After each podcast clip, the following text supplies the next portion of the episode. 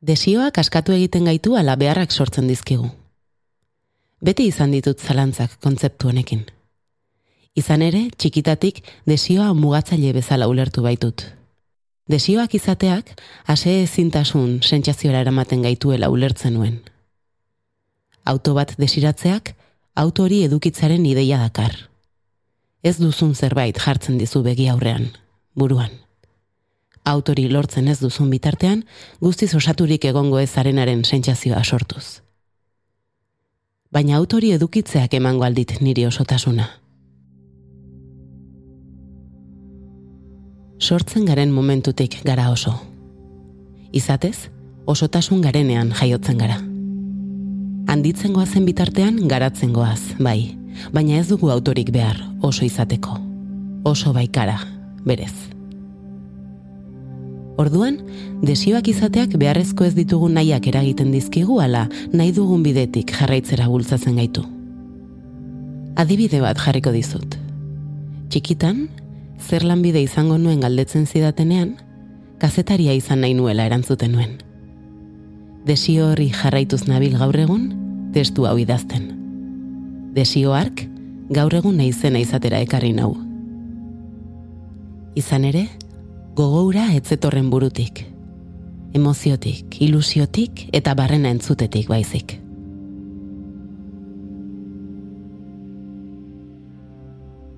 Naomi mendizabal naiz eta eman dezagun elkarrekin gaurko urratsa.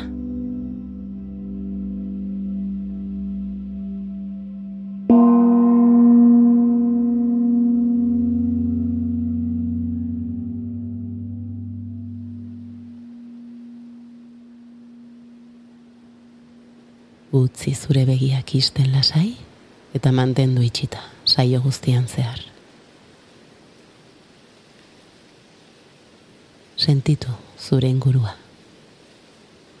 Zauden lekua.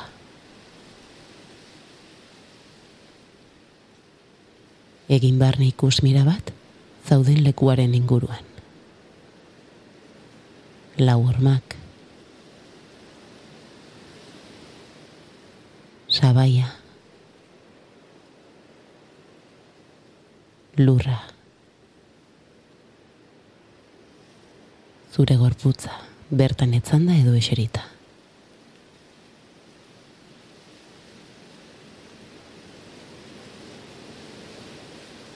Sentitu postura eroso batean zaudela.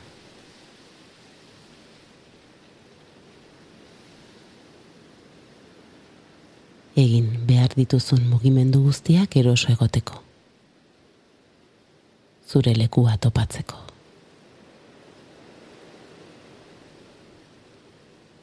Oso garrantzitsua da eroso egotea. Erlaxatuta. Mugitzen baldin bazabiltza, saioan zehar lortu duzun erlaxazio egoera etengo duzu. Beraz, hartu denbora bat zure gorputza eroso eta lasai sentitzeko.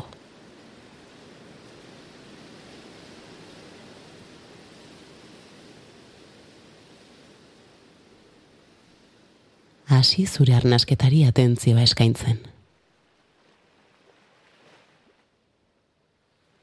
Begiratu, sentitu, zure gorputzak nola hartzen duen arnas.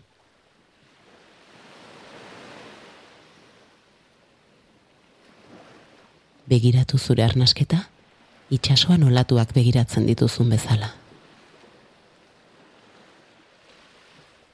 Olatuak, joan etorrian datoz, eta zuk ezin duzu ezer egin hauen joan etorri aldatzeko.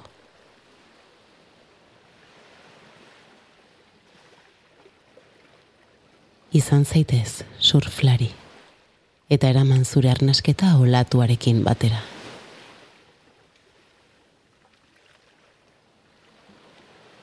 Olatua datorrenean, hartu arnasa luze eta zabal.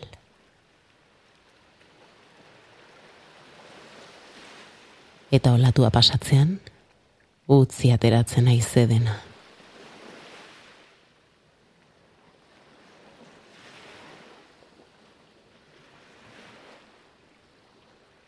Utzi zure gorputzak arnasa aske ardezan. Arnasa hartzen duzunean, lasaitasunez betetzen zara. Eta arnasa botatzen duzunean, tentsioa kaskatzen dituzu. Pentsamendu eta kezkak badoaz.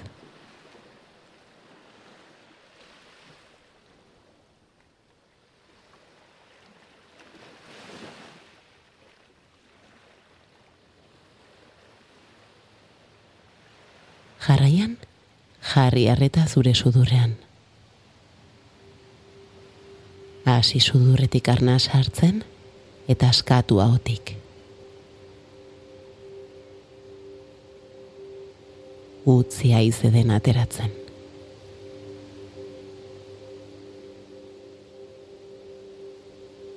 Saiatu beste behin. Artu arnasa sudurretik eta askatu den den haotik. Sentitu nola haua eta matraila aske geratu diren.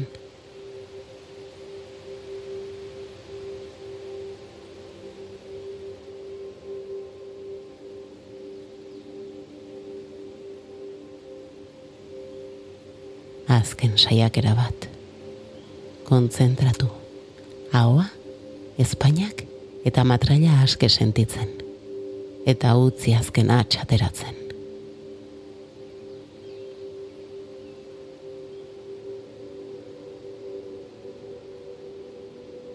Jarraian, hartu eta bota arnasa sudurretik.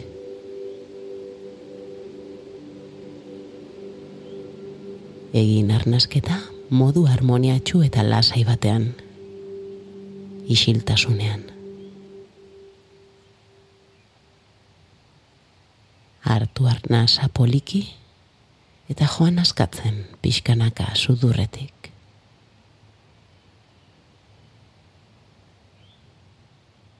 Errepikatu prozedura hau behin eta berriz.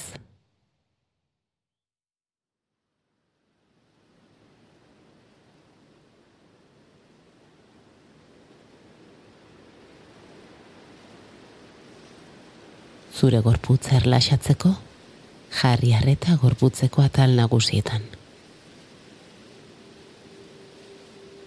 Sentitu oinak.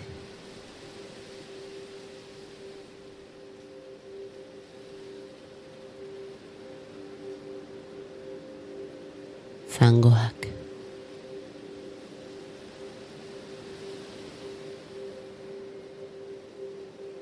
Aldakak.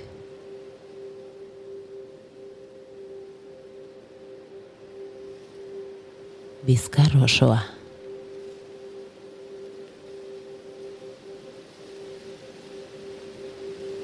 Sabela.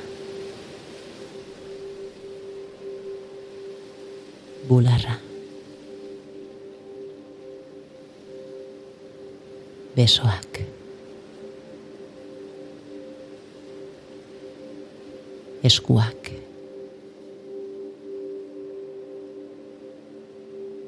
eskutako atz bakoitza.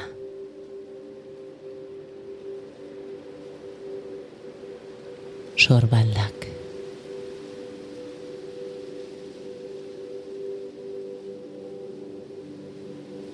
Lepoa.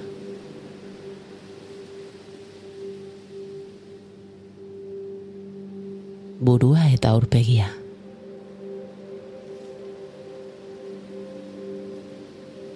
Begiak.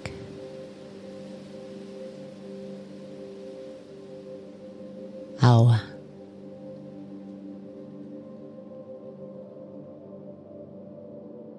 Kopeta.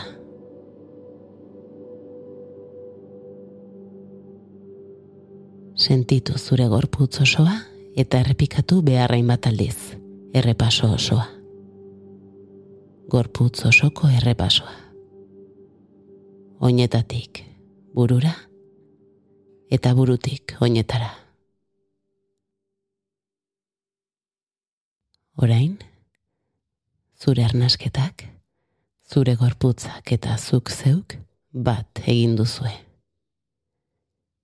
Gorputzaren erritmoa mantxotuz, barne horekarako lehen pausua eman duzu. Mantendu adi eta jarraitu nire hotxa.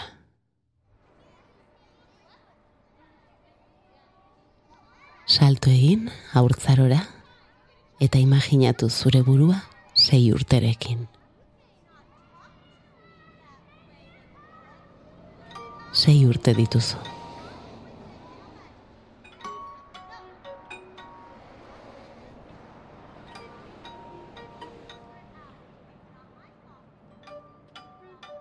Sentitu zure eskutxoak. Sentitu zure hankatxoak. Sentitu zure xalotasuna.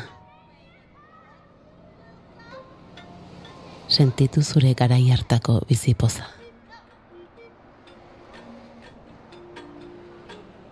Lagunekin jolasean, eguneko orduak amaigabeak dira zuretzat eta kontentu zaude. Oso kontentu.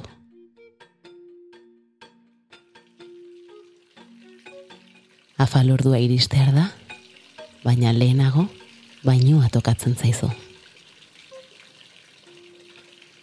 Bainua zure eguneko momenturik gustukoena da. Zure fantasia mundura eramaten baitzaitu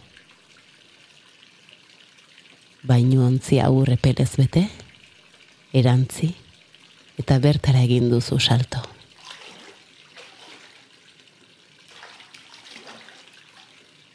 Uretan plisti plasta zabiltzara, hostailu bat hartu duzu. Zure hostailu gogokoena, bela ontzia.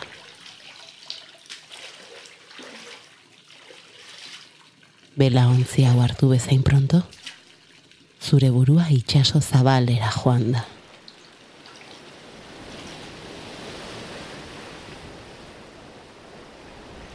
Herri txiki bateko gazte bat zara. Denbora luzez, prestatu zara itxaso zabalera ateratzeko. Eta iritsi da, lema hartzeko eguna. Urte asko liburuen artean pasa ostean, urte asko ikasle moduan pasa ostean, iritsi da ikasitakoa praktikan jartzeko eta belaontziaren buru bihurtzeko garaia.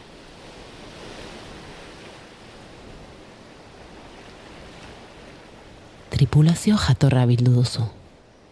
Eta portu ezberdinetan trukean arituko zaretela aitortu diezu.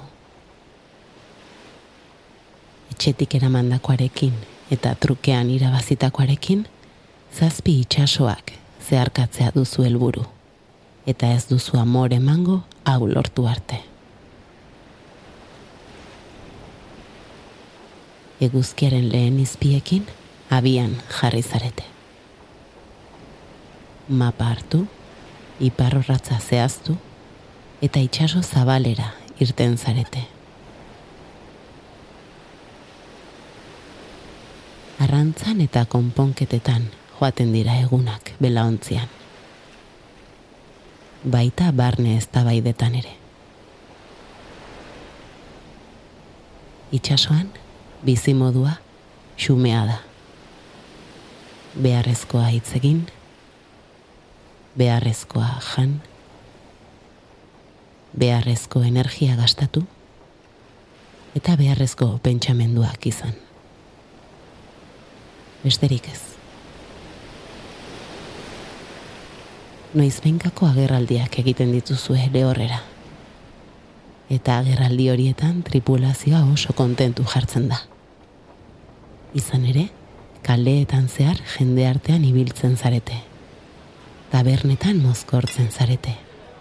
Eta pozarren bueltatzen zarete, bela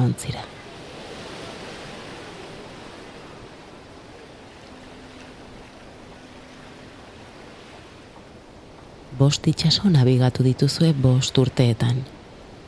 Eta tripulazioko kidei geroz eta zailagoa egiten zaie ele horretik itxasora bueltatzea. Hori dela eta etxera itzultzea proposatu dizute. Haien desioa zurearen gainetik jarriz, zuk ere etxera itzultzea erabaki duzu.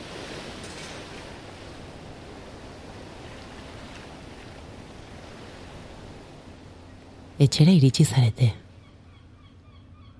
Kaian porturatu duzu ebela ontzia, eta tripulazioa korrika atera da etxeko norabidean. Zu, aldiz, belaontzia garbitzen gelditu zara. Bi urte gehiago pentsatu duzu. Bi itxaso gehiago ezagutu eta neura metxa beteko nukeen.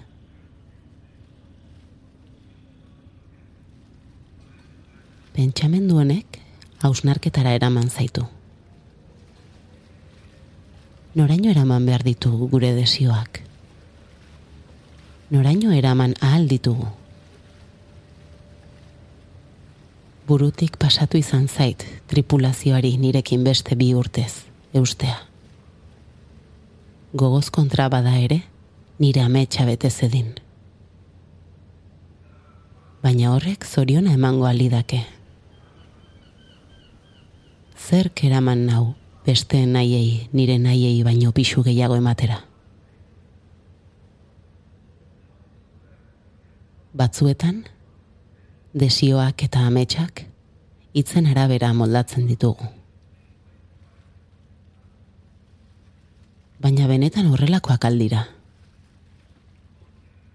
Ala, momentuko gogo batek bultzatuta egiten ditugu gauzak eta kito.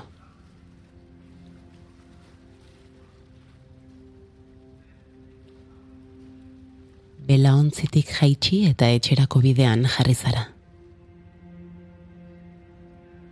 Bidean putzu bat dago eta ari begira gelditu zara.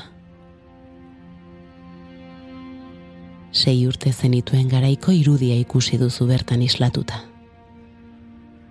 Izan zinen aurrura zuri begira gelditu da.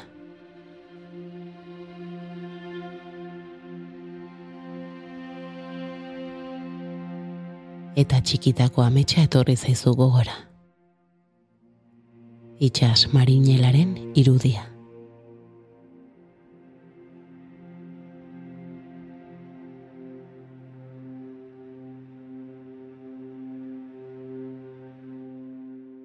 Parez pare jarri zarete eta ametsori beteko duzula itortu diozu isladari. Buelta erdia eman eta gauza guztiak berriz ere bela ontzian sartu dituzu.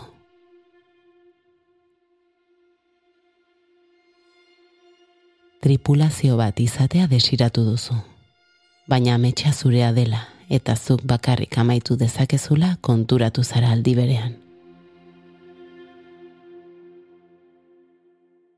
Sokak askatu, belak zabaldu, eta lehen eize boladarekin zure ametsa osatzearen bila atera zara itxaso zabalera.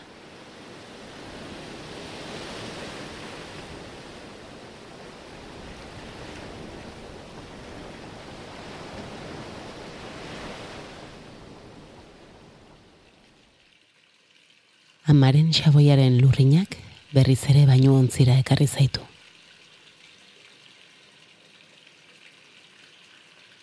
Uretatik atera, pijama jantzi eta ama dagoen maira gerturatu zara.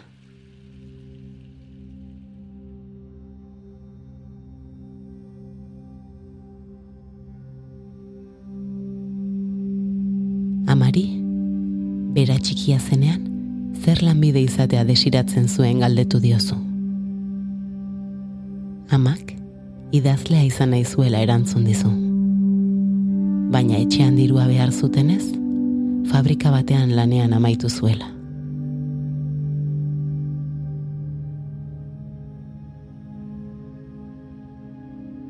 Etxean, ez erretzedin falta, bere ametsa alde batera utzi zuela itortu dizu. Afalostean, sukaldea jasota utzi, eta amari papera eta boligrafoa gerturatu dizkiozu.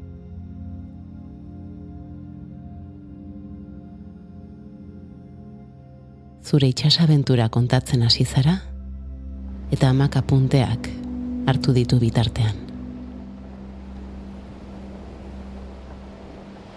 Egun batean, ipuin polit bat argitaratuko duela ametxe ginez.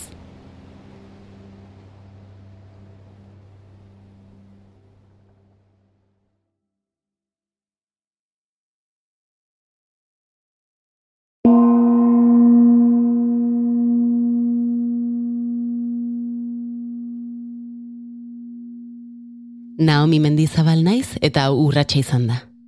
Pausoz pauso zure osotasuna berreskuratzeko bidea egiten lagunduko dizun saioa. Dagoeneko amaikagarren saioa duzu hau. Eta orain ezagutu bagaituzu, gogoratu gainerako ataldenak EITB podcasten eta audio plataformetan dituzula eskuragarri. Oraindik ez baldin baduzu egin, arpidetu eta zabaldu lagun artean. Besarka estua eta hurrengo urratxera arte. Ei, txt, entzun hori. Ulum Media.